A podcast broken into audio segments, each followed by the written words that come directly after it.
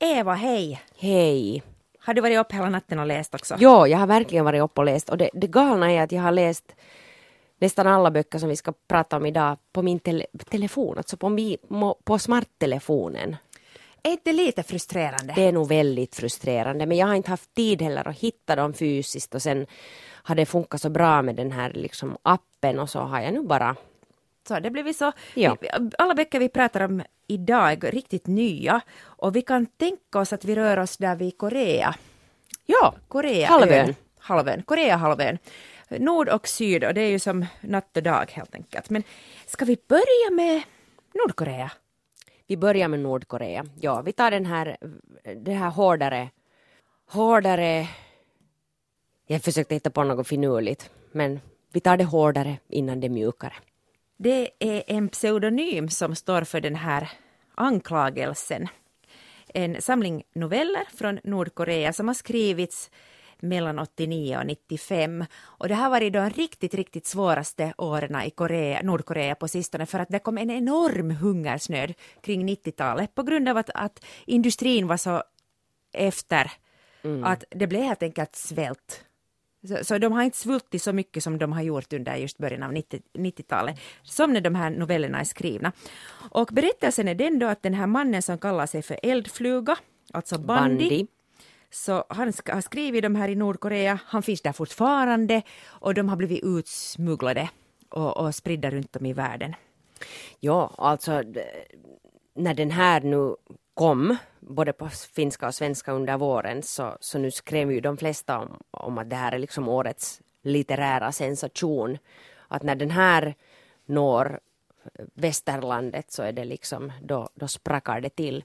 Och det förstår jag nog för att det här, det här finns ju alltså en, en, en genuin, alltså det här är ju en bok som, som går, den rör sig på sådana plan som man inte liksom, det, det är så omänskligt Eh, de omständigheterna som de här personerna i de här novellerna lever i, i. Att eh, man kan inte liksom förstå. Kanske just, ja, det, var, det var så häpnadsväckande att läsa den här och, och den, jag blev ganska drabbad faktiskt av Visst har man ju hört om det här att, att folk får gå omkring och, att, och vara rädda hela tiden och det är ju som Orwells 1984 definitivt men det här är liksom på riktigt. Det här är ett, ett land där man i, i snart 70 år alltså äh, har måste leva i horror. Men samtidigt, samtidigt den här känslan av att man måste hela tiden föra sig själv bakom ljuset för att orka leva. Det där var snyggt sagt, föra sig själv bakom ljuset. Det finns en mycket kraftfull novell här som kanske heter Scenen eller någonting sånt och som handlar om en skådespelare. Den och är vacker. Den är, det, och den är så erbarmligt hemsk för den rör sig på så många nivåer och det är som att om man vill tänka sådär, göra det lätt för sig själv så tänker man att okej, okay, de är hjärntvättade. Det är därför de är hjärntvättade, no problem. Men de är också i de här novellerna, faktiskt i alla, speciellt i den här med den här skådespelaren huvudrollen, så är de medvetna om att de är hjärntvättade, mm. vilket gör det fem gånger värre. Det är precis det här, du, du sa det precis så som det är. Och det galna är att just tack vare bandy så fick jag den här insynen i det mänskliga i det här omänskliga samhället. Och det, det, det handlar om, om människor som, som eh, de känner stark kärlek, de är humoristiska, eh, det finns glädje liksom, och mänsklig värme trots all den här hemska terrorn som försiggår så där tyst hela tiden, det är en sån här bordun i, i liksom hela vardagen. Det finns massor med lojalitet till vänner. Allt det där mänskliga, det, det som är fint i människan finns hela tiden kvar där och det ger ju en hopp men samtidigt så gör det ju saken väldigt, väldigt mycket värre just med tanke på att man vet att de här människorna eh, medvetet måste ljuga för sig själva och för sina medmänniskor. Och sen kan de inte prata om det här med varandra. Att de måste leva med det, okej nu, nu är det bara jag som är underlig som, som ser den här egna hjärntvättningen. Att de andra är väl hjärntvättade och de iakttar varandra, att gråter den där nu på riktigt eller på låtsas. Mm. Och de är alla jätteensamma i sig själva, det är inte ens någonting som du kan prata om med din eh, fru eller man för att det är så förbjudet och det finns folk som spionerar på det hela tiden. Och, så det går inte att diskutera det här, så det gör ju att alla människor i grunden blir extremt ensamma. Jo, men det, det som är så jättekonstigt är att den där kärleken består. Förstår du vad jag menar? Att de här, de här paren som så ofta kommer fram i de här historierna är ju alltså äh, människor som inte kan dela sina djupaste rädslor med varandra. Men de lyckas ändå älska varandra på något sätt. Att, att man, man känner den där kärleken där ändå och den där mänskligheten. Och det är helt galet. För det, det är liksom, det är, jag, jag känner deras hungern kommer jättestarkt fram. De är hungriga men de bryr inte sig. Eller klart de bryr sig men de gör sitt bästa för att inte bry sig.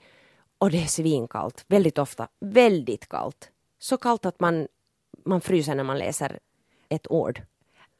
Så är det, den, är, den, den går in under huden och det, det, det är svårt att skaka sig av den här känslan. Och sen det som jag upplevde just som kyla och hunger är den här känslan också av orättvisa. Och det gör riktigt, det gör riktigt ont i kroppen att, att läsa de här skildringarna av orättvisa. Och det som är det mest orättvisa i det hela det här nordkoreanska samhället som kommer bra fram i den här novellsamlingen är den här arvsbörden. Alltså du föds in i en sångbund och då kan det vara något så att din farfars faffa har av misstag vält omkull en Eh, blombukett.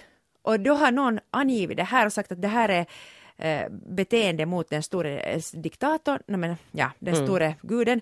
Att, guden uttryckligen, ja. och, och, så måste du ärva det här, så du aldrig kan ta dig någonstans i livet på grund av den här liksom orättvisa, äckliga eh, kategoriseringen av människor, att du kommer aldrig ut ur din kast. Mm. Arvsynden, arvsynden. Alltså, he helt förfärligt. Men att det nu kan pågå, uh, vi, det, hela våren förresten så har ju Nordkorea utmärkt sig med sina uh, missiluppskjutningar, så de har varit ja. hela tiden framme. De är nog hela tiden framme nu och jag har också, alltså jag, nu, jag känner mig kanske lite dum och blåögd, men jag blir bara sådär att, men, att hur kan det här liksom få fortlöpa? Att, för, att herregud, det är ju en massa människor som vet att de är hjärntvättade att göra någonting liksom. Och det är klart man gör ju inte om man vet att man blir halshuggen av liksom, om man gör någonting. Men samtidigt så det är just de här missilerna och, och det här artilleriet som de har som gör att, att det blir liksom så omöjligt för omvärlden att, att eh, göra någonting åt saken. De har ju till exempel riktat sina inte vet jag, jag kan inte sån här, sån här terminologi gällande krigsföring, men alltså någon form av artilleri som de riktar mot Sydkoreas Seoul. Och så fort någon försöker befria landet eller öppna upp det så skjuter de mot Seoul och så dödar de 26 miljoner människor. Har du följt med den här Kim Jong-Uns halvbror som blev mördad? Jo, jag har lite följt med, men jag har nog inte gått in på detaljer. Du får gärna berätta. No, Kim Jong-Nam blev ju mördad i januari, februari på Kuala Lumpurs flygfält av en här giftspruta som två agenter stack i honom. Och nu är det ju rättegång medan vi pratar, det kan hända att det har hänt någonting nu efter det här, vi bandade det här lite i förväg. Mm. Uh, och de här kvinnorna, vet du vad deras försvar går ut på? De säger att de trodde att de var med i en TV, ett tv-program och att det fanns sådana dolda kameror. Tycker det är så sjukt. Okay, det är absurt. Det, det, är helt absurt. Och, och orsaken varför de gjorde var det att Kim Jong-Nam har varit jättekritisk till sin halvbror, jättekritisk till hela den här styrelsen och, och därför måste han mördas. Mm. Och vet du vad, som också är en annan sån delikat grej, att han blev fast i början av 2000-talet för att han hade ett förfalskat pass. Och när han blev fast så sa han att han var på väg till Disneyland. Mm. Han var ju inte gammal, han var född 73. Ja, precis. Det är just det. Kan vi dra några paralleller liksom till våra egna liv via de här novellerna? Uh. Jo, vi vet ganska lite om Nordkorea och det blir, det blir som en svart karta. Det sägs ju också att från rymden så ser man det här. Det är jättemycket elektricitet på det här, vet du, överallt. Men där ser det Nordkorea som en svart fläck. Ja. Och det blir också en svart fläck som vi kan spegla alla våra rädslor på och fantasier. Och för oss som också är hjärntvättade på våra sätt så blir det skönt att ha någonting som är helt ännu mer extremt för att då, då får vi, vi känna oss normala. Precis, det är just det där. Men det är väl just det som gjorde det så värdefullt den där läsningen av Bandis bok att, att man äntligen fick kontakt till det som är mänskligt i det där hemska. Och, och just det där att via Nordkorea och de här storyna så inser man att det där kunde ju vara vi och det där kunde vara jag. Och att på grund av hemska omständigheter och, och händelser i historien och, och mycket annat och sen liksom dålig tur också på många sätt så har det hänt just där men det kunde liksom ske var som helst. Jag läste en recension av den här boken, så jag vet inte om jag riktigt håller med för att det är på så, i så annan grad, men det var någon som skrev att på vilket sätt är en bild av till exempel Kim Jong-Un, som finns det då bilder av överallt, okej, okay, det, det, vi tycker det är sjukt, att varför har man en bild på honom överallt, att, mm. herregud. Men på vilket sätt är det nu så mycket värre än en bild på Coca-Cola, som mm. vi har tapetserat överallt? Ja, det är en jättebra parallell. Det, det, det, är ju där som, som man liksom får tag i det där att det är inte alls så hemskt långt från oss. Men det är nu inte kanske Coca-Cola jag skulle sätta som en parallell. Skulle du sätta McDonalds? Eller någon um, Nej, jag ska... popstjärna? Ja, det är antagligen så. Mera mänskligt liksom. Ja, ja. Någon, någon som man, man avgudar. För att de här, de här eller någon som man måste avguda, som det hör till att du ska avguda. Men det är ju det att vi blir ju inte avrättade. Nej. Och det är ju det, det, är det som gör det så här prekärt och det är det som ger mig också lite hopp här. Är det att om det nu faktiskt har gått så här långt att Bandi och ganska många andra också mm, vågar skriva om hur det är. I och för sig så är de flesta har varit i exil och, och har, eh, lever liksom på trygg mark och behöver inte vara rädda för att bli avrättade. Men Bandi de facto alltså sätter sig själv i, i enorm fara då han skriver de här berättelserna. Men han är alltså färdig för att dö för att få uttrycka sig. Och, och det tycker jag att kan, det måste tyda på att den här diktaturen och det här liksom slavsamhället kanske sakta håller på att gå mot ett slut. För att om, om de här människorna faktiskt är färdiga att dö så alla kan ju inte sen dö men de måste offra, vissa måste sen tydligen offra sig för att det ska frias upp, ja, öppnas upp. Eftersom alla förlag som har gett ut de här så de har alltid sådana långa eftertexter. Den här är uh, översatt från franska och, och runt om i den, det har varit en succé överallt, så, så för, berättar förlagen att, att vi tror på den här storyn, vi har köpt den, att det här är sant. Så tänker jag ändå att, det, att den här bandet inte, inte är en riktig människa, att han finns inte i Nordkorea. Det känns också som så omöjligt. Mm. Fast vad spelar det för roll? För att, att för, Men jag tycker att det fanns ju så detaljerade uppgifter om hur han har fått den utsmugglat. Det och det var uttryckligen... Det. det var för detaljerat. Ja, du kan ha rätt. Vet du vad, jag var så godtrogen att jag var helt övertygad om att Bandi finns på riktigt och att han är man och ganska högt uppsatt och han... Uh, ja, men du har ju rätt. Det slår mig, ja, det slår mig nu, i stunden. För att skulle man måste förklara det, inte skulle vi, vet du att det är så som vi lärde oss när vi läste den här Seierstad, två systrar, att om den där uh, är för detaljerat och sånt, så då är, då är det inte riktigt. Vi lärde oss där, ja. I don't know. Det, det tar ju inte bort något från de där texterna för att de är jätte skönlitterärt fina. No, innehållet är ju det som är det där sprängladdningsstoff, sån där sprängladdning. Men det. Det, det är jättebra litteratur. Det är väldigt bra litteratur. Och, och det finns ju massor, som du sa också tidigare, av de här avhopparnas berättelser. Och de har ofta inte alls några litterära kvaliteter överhuvudtaget, utan det är oftast en journalist som har suttit med, ner med den här avhopparen och så är det bara mm. rakt av. Men jag skulle ändå vilja rekommendera på nytt den boken vi har pratat om tidigare här i podden och det är John Me Parks För att överleva. Jag tror det hette ungefär så, John Me Park. Och hennes story, som jag ändå läst på det här årets sida, var så berörande att den blev starkare för mig ändå än den här Bandi. Okej. Okay. Och sen så har jag en annan bok i handen som jag inte kanske vågar läsa. Blaine Harden, Flykten från läger 14. Den dramatiska rymningen från ett nordkoreanskt fångläger. Och det som gör det så äckligt, det handlar om en ung kille som har rymt därifrån. Här är teckningar på hur man avrättar folk. Okej. Okay. jag har sett barn som grillas här och Oj, det är liksom nej. så jäkligt äckligt. Åh, är det litteraturens? Nej, det kanske, ja, I don't know. Men på något sätt så blir det här som vi pratade om i förra avsnittet, lite att, att ibland går det sen för långt att man gottar sig. Jo, men jag tyckte nog inte att Bandis... eh, Nej! Det var, det var absolut inga eh, sociala pornografiska Inte produkter. något. Absolut ingenting. Det, den var verkligt fin. Eh, och den kommer nog att stanna med mig väldigt länge. Ja, det tror jag också. Det tror jag verkligen att det stannar. Den försvinner nog inte från mitt hjärta.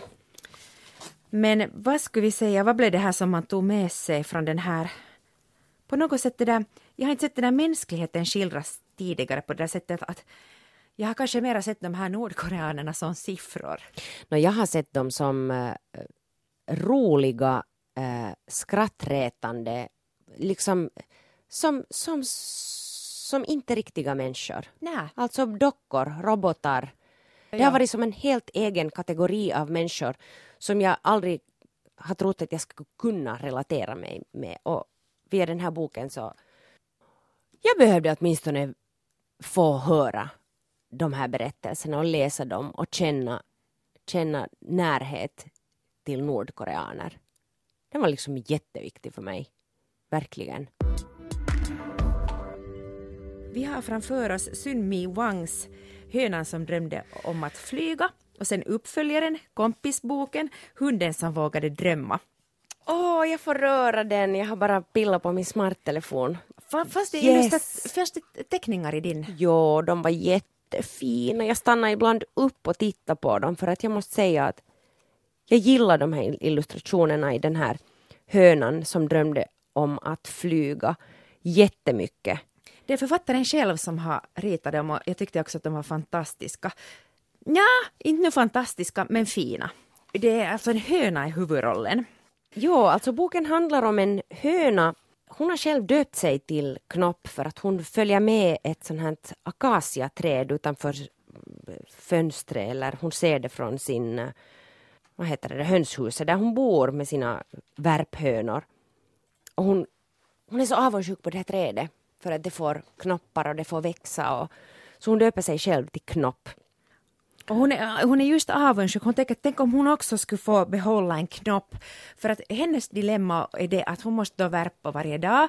Och så i hennes höns så, det är en sån här sluttning, så där ägget rullar alltid bort från henne. Och det är så jättesorglig bild. Och Hon, hon skulle så vilja ha, ha ett ägg och få bli och värpa på det. Hon skulle vilja ha ett eget barn helt enkelt. Och hon får inte. Hon ser varje dag hur det ägget rullar ifrån henne. Och det var jättehjärtkärande. Mm, och sen tas det också ifrån av henne liksom helt fysiskt, alltså det, det kommer bonden eller bondmoran kommer att ta det där ägget av henne och hon skulle vilja liksom ruva på det och hon skulle vilja att det skulle bli ett barn.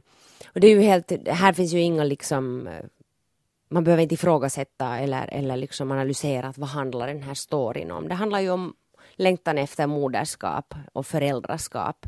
Men eh, det går ju som det går. Det, det är väldigt så här eh, verkligen en saga som jag nog upplever att riktar sig mer till barn än till vuxna. Alltså det tycker jag med. Alltså jag kände mig lite snopen när jag läste den här och tänkte men det här är ju för barn. Och ändå så står det nog roman på den här att man vill. Och, och vet du vad? Att jag undrar om andra människor läser in något ytterligare. För att jag såg också det bara, eller bara och bara. Jag såg den som en stark berättelse om moderskap och vänskap. Men utom i, runt om i världen så den har sålt som smör, det har blivit operor av den. Det har blivit animationsfilmer, den har blivit väldigt stor. Men jag förstår inte det. Mm. Förstår du? Nej och ja. Jag, jag tyckte nog så där som liksom läsupplevelse så var den ju inte överväldigande på något sätt. Men samtidigt också så förväntningarna på boken blir ju en annan då när man vet att den här har blivit jättestor, den här är älskad, alla lyfter den till skyarna. Så jag läste den också liksom med dem, med, med det sinnet uh, och den ställningen till det. Och kanske jag läste in lite väl mycket visdom och, och, och djup och själslighet i det. Men, men jag, jag hittar nog de där, det där djupet och jag hittar det där, jag gillar liksom det där med, med det där att, eller jag börjar åtminstone fundera på, på de förväntningarna man, man sätter på sitt liv om vad det ska vara och, och hur det påverkar en, ens livskvalitet liksom. Och det kommer väldigt fr väl fram i den här boken. Dels förväntningarna på att bli förälder men också förväntningar på de andra djuren och, och, och no, okej, de, de är ju knappt djur i den här boken. De är ju människor men sen råkar de ha liksom djurskepnad så att det är ju väldigt sådär men ändå, de är liksom olika och passar inte riktigt ihop för att de är olika arter men ändå sen så passar de ihop och sådär. Men, men det där med förväntningar på livet, det, det, jag tror att det var liksom det som satte igång åtminstone i mig en sån här tanke om att, att inte det att man inte ska förvänta någonting utan att det man, det man uttryckligen konkret bestämmer sig för att för det tror jag att man gör, att man bestämmer sig för att förvänta någonting av livet. Så det präglar ju hela, hela liksom ens liv. Och hur, hur, man liksom, hur man lever det. Och där kan man kanske ändra på det. Man kan ändra på sina förväntningar för att ha det lättare. Det där var bra sagt. Var det? Ja. Jag tyckte det lät som en sån där uh, self-help guide to ja, jag behövde better det där. life. Jag, behöv, jag behövde det där idag. Sänk, eh, sänk tröskeln, ha inte för höga förväntningar, älska dig själv. Men vet du vad? Alla människor behöver inte alls höra att sänk tröskeln. Nej, Det är, det är många sant. som borde lite stiga upp och Höj, höj tröskeln!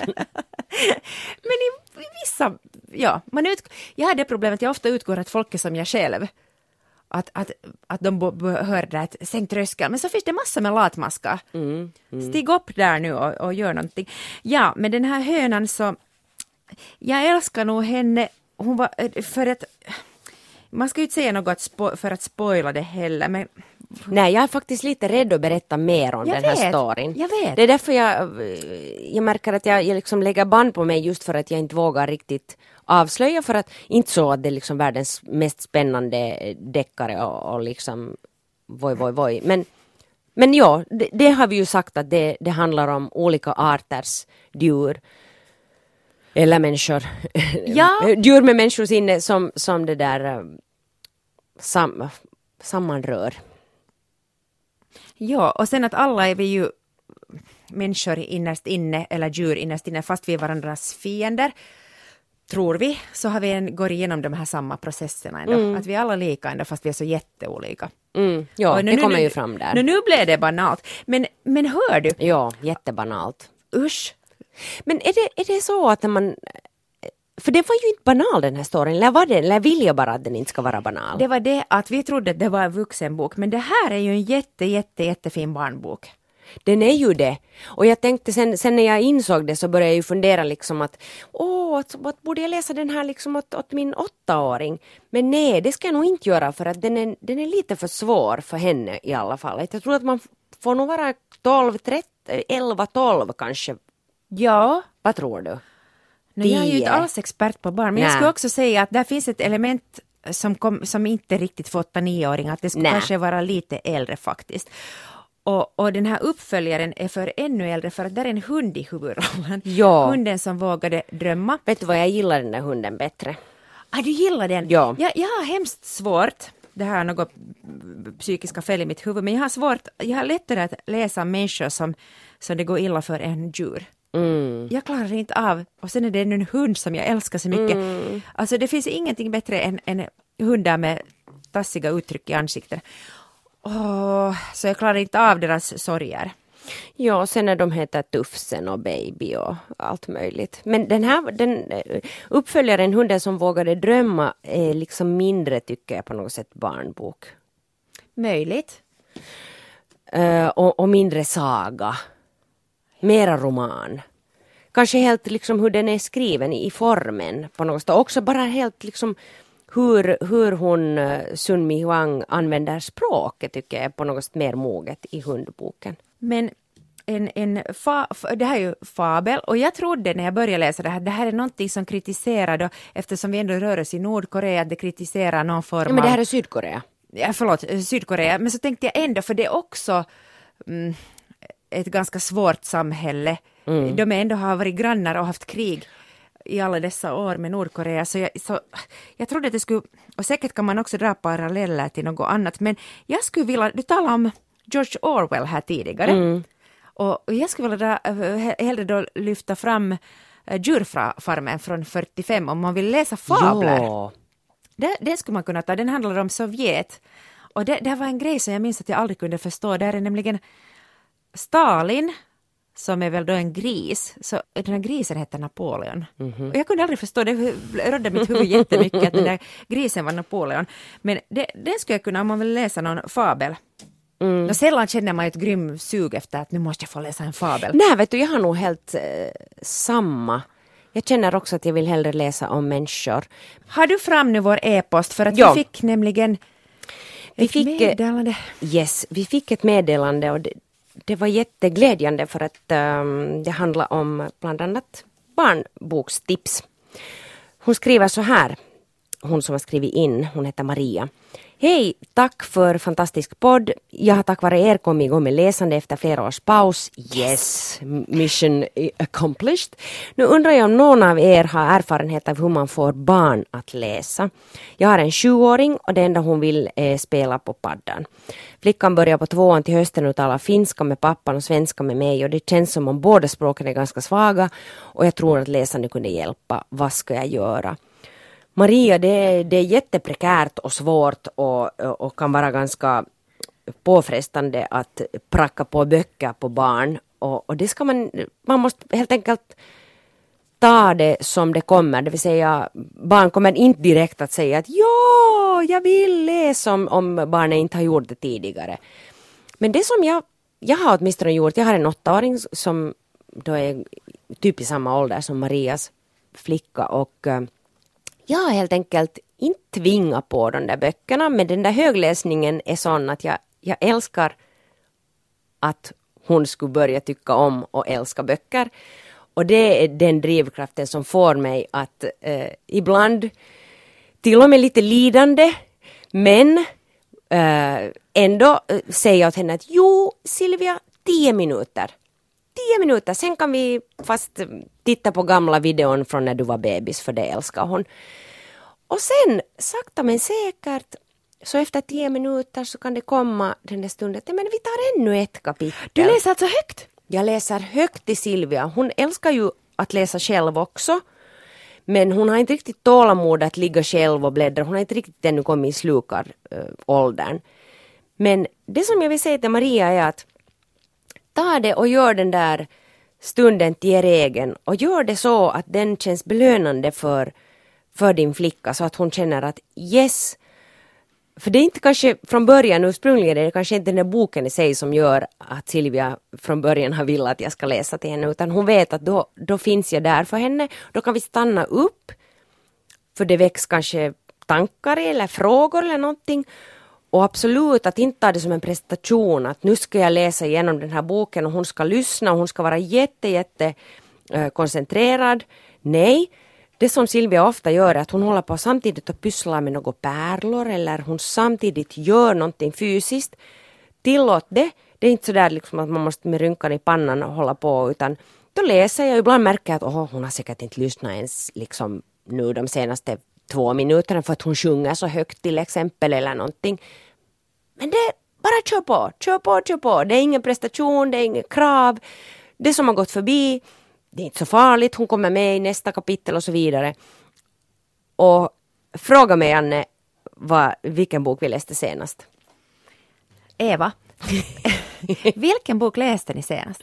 Vi läste en helt underbar bok som heter Världens mesta Ester som är skriven av Anton Bergman och min favoritillustratör heter Emma Adbåge.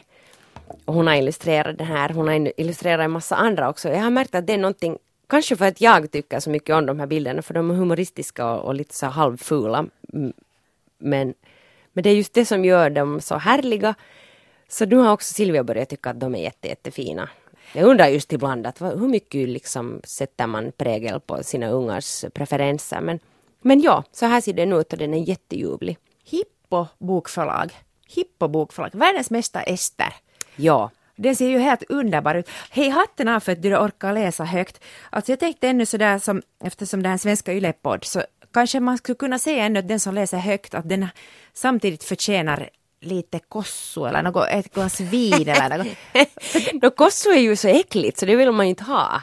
Men ett glas vin, ja, absolut. Ja, att, att man vet att mamman, man betingar mamman eller pappan med att den alltid får liksom något som den gillar. Mm. Så att också föräldern orkar, för det, det handlar ju mer om föräldern än barnet. Och jag, jag, tror att just ännu när de är under, innan de blir tonåringar, så de vill ju säkert vara som föräldrarna och tycka om samma sak. Så att om man själv är passionerad så kanske det smittar. Och jag tror Maria att om du nu har fått upp liksom eh, glöden själv och, och sitter i ett hörn och bläddrar och ditt barn ser dig sitta med en bok och ser dig bli liksom upptagen och, och dras med i en bok. Så det, det kommer förr eller senare att prägla hennes liksom, val också. Helt säkert.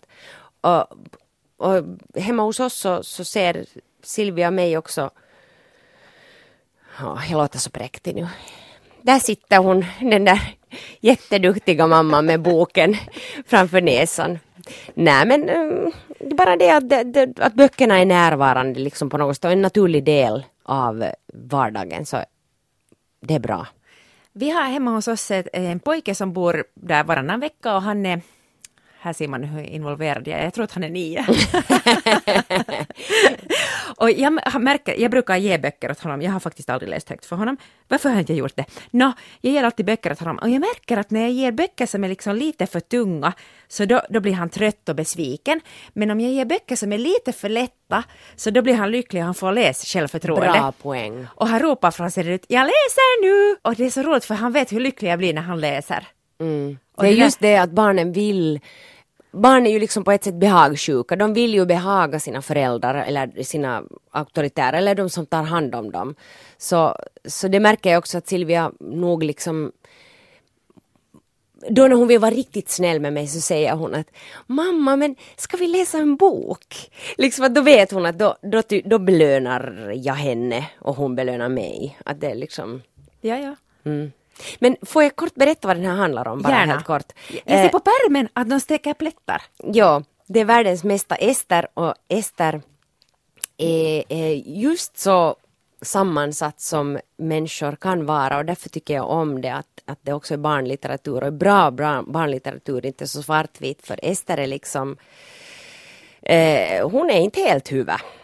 Hon är liksom hon har lite dåliga sidor som vi alla andra men, men de kommer fram på ett annat sätt. Hon, men det som är roligt är att man vet inte riktigt att när luras hon och när luras hon inte.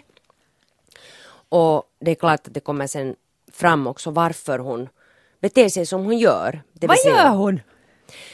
Hon äh, bryter mot regler. Jag tänker inte spoila den. Jag, jag, vill att Maria läser den här åt sin dotter, världens mesta Ester. Hej, tack för det där. Jag vill själv läsa det. Jag ser den på de där teckningarna att de är helt fantastiskt, lite sådär ful, att det är någon som tecknar fast den inte riktigt kan. Ja, det är just Emma Adbåge. Hon är bäst. Hon är så bäst. Ja, ja, ja, ja, ja. Du läser oh. den där på en, på en halv minut. Medan vi håller på nu med lite yngre folk, mm. får jag berätta om en, en där Netflix-serie? Förstås. Är det något yngre folk då? Ja, mm. den heter 13 orsaker varför och det är på um, Netflix. Selena Gomez och hennes mamma är någon slags producenter och, och det här kanske är någon sån här tillrättalagd story men det sägs att Selena Gomez har läst boken som den här baserar sig på 13 Reasons Why av Jay Asher och sen gjort, som har gjort den här serien och det var till och med meningen att Selena Gomez skulle spela den här huvudrollsinnehavaren Hanna. Ja. Och det handlar om en, en flicka som har tagit livet av sig. Jo, jag har hört, alltså det här är den här som, som väckte ramaskri att ah, den här uppmanar folk till, eller liksom, uh, vad heter det när man uh, uppeggar? Nej, man uh, uppman, uppviglar. uppviglar. Tack. Till självmord. Ja. Och vet du vad? Att den gör det faktiskt. Gör den det? Och jag blev så ledsen för att jag började titta på den och sen så söks jag så in i den här storyn. Den är liksom inte helt trovärdig för att det handlar om en, en, en pojke som har fått tag på sådana C-kassetter som han börjar lyssna på och så har den här flickan då berättat 13 orsaker varför hon tar livet av sig. Och no ja, men det är en parentes, men jag tänker bara att det är någon som är så deprimerad och, och självmords vill ta livet av sig att den orkar inte göra allt det där jobbet hon gjorde. Men Nej, det, det är okej. aside. Så den är extremt suggestiv, den är jätteviktig, den handlar om just att hur, ono, hur onormal man kan känna sig i högstadiet, hur, hur, hur mycket är socialt spel och hur svårt och jobbigt den är. Och, och det var så fint. Men Men på vilket sätt uppviglar den till självmord alltså? jag ska berätta, det är så förfärligt att jag kan inte begripa hur vuxna människor kan ha gjort något så här förfärligt. Alltså det finns en scen som jag tycker är jättevacker och harmonisk. Där hon, tar, hon ligger i badkaret och så skär hon upp sina blodådror. Och det ser så skönt. Ja, och det ser vet du, så skönt och behagligt ut. Ah, Att- det är estetiskt liksom på något sätt. Ja, de har sagt att de har försökt göra det äkta och sådär att man inte skulle vilja göra det, men mm, jag tror att man i, många tar inte livet av sig för man vet inte riktigt hur man ska göra. Nej, just det. Och för att man ska, det är hemskt och det är så, så ensamt och jag kan bra tänka mig att man nu när man då gör det så tänker man att man gör det tillsammans med Hanna. Just det. Att, Just okej. det, det här, den här risken finns ju alltid. Ja. Och, och jag är inte den som, som, som tycker att, att men nu, nu får du inte lyssna på hårdrock för då far du till helvete och dödar dig själv. Det är första gången som jag får riktigt sådär kalla kårar när jag tittar på den och jag tänker att, att men det är ju sådär man ska ta livet av sig. Vet du, det ser så behagligt och skönt ut. Och, och den har ju fått med befogd och mycket kritik för det här och det är så synd för att annars är allt annat så perfekt och så viktigt i den där. Och samtidigt är det ju en tematik som man måste prata om. Att hur ska man då göra det? Men måste man prata om det?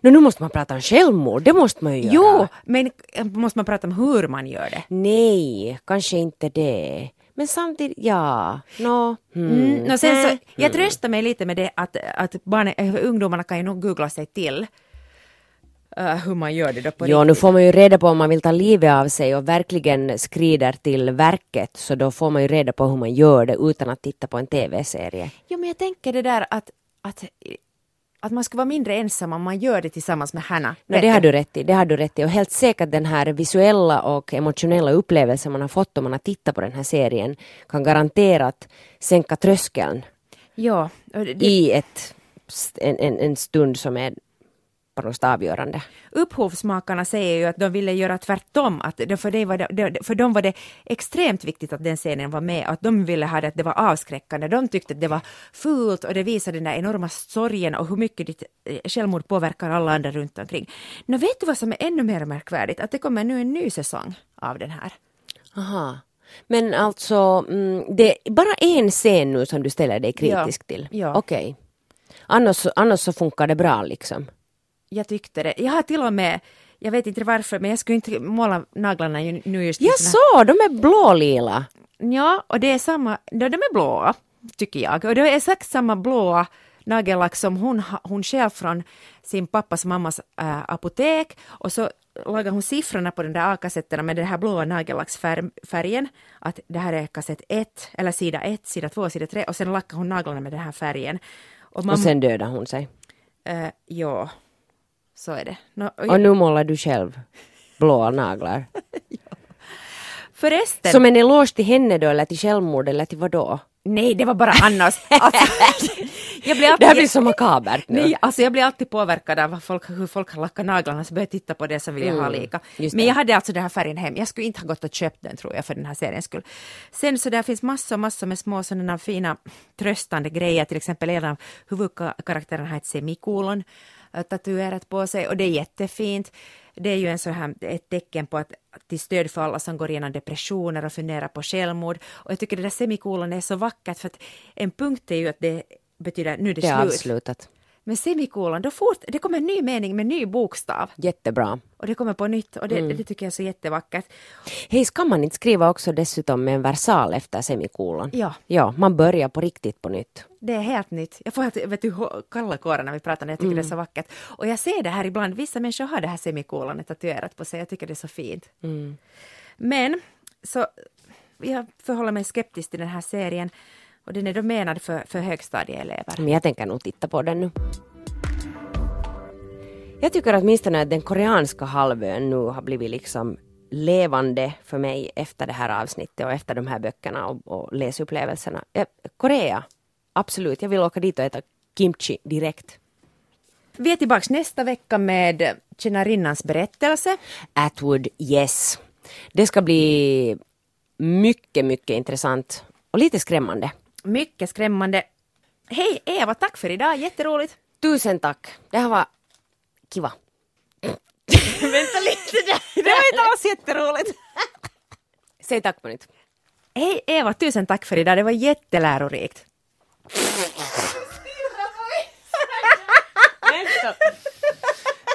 nu, nu måste vi få ett slut på det här. Eva, äh, tusen tack för idag. Det var verkligen lite omtumlande och mycket lärorikt. Ja, verkligen. Hej, vi ses äh, och hörs nästa vecka igen. Yes, och tack till producenten Kia Svetihin. Kia, tack ska du ha. Hej då!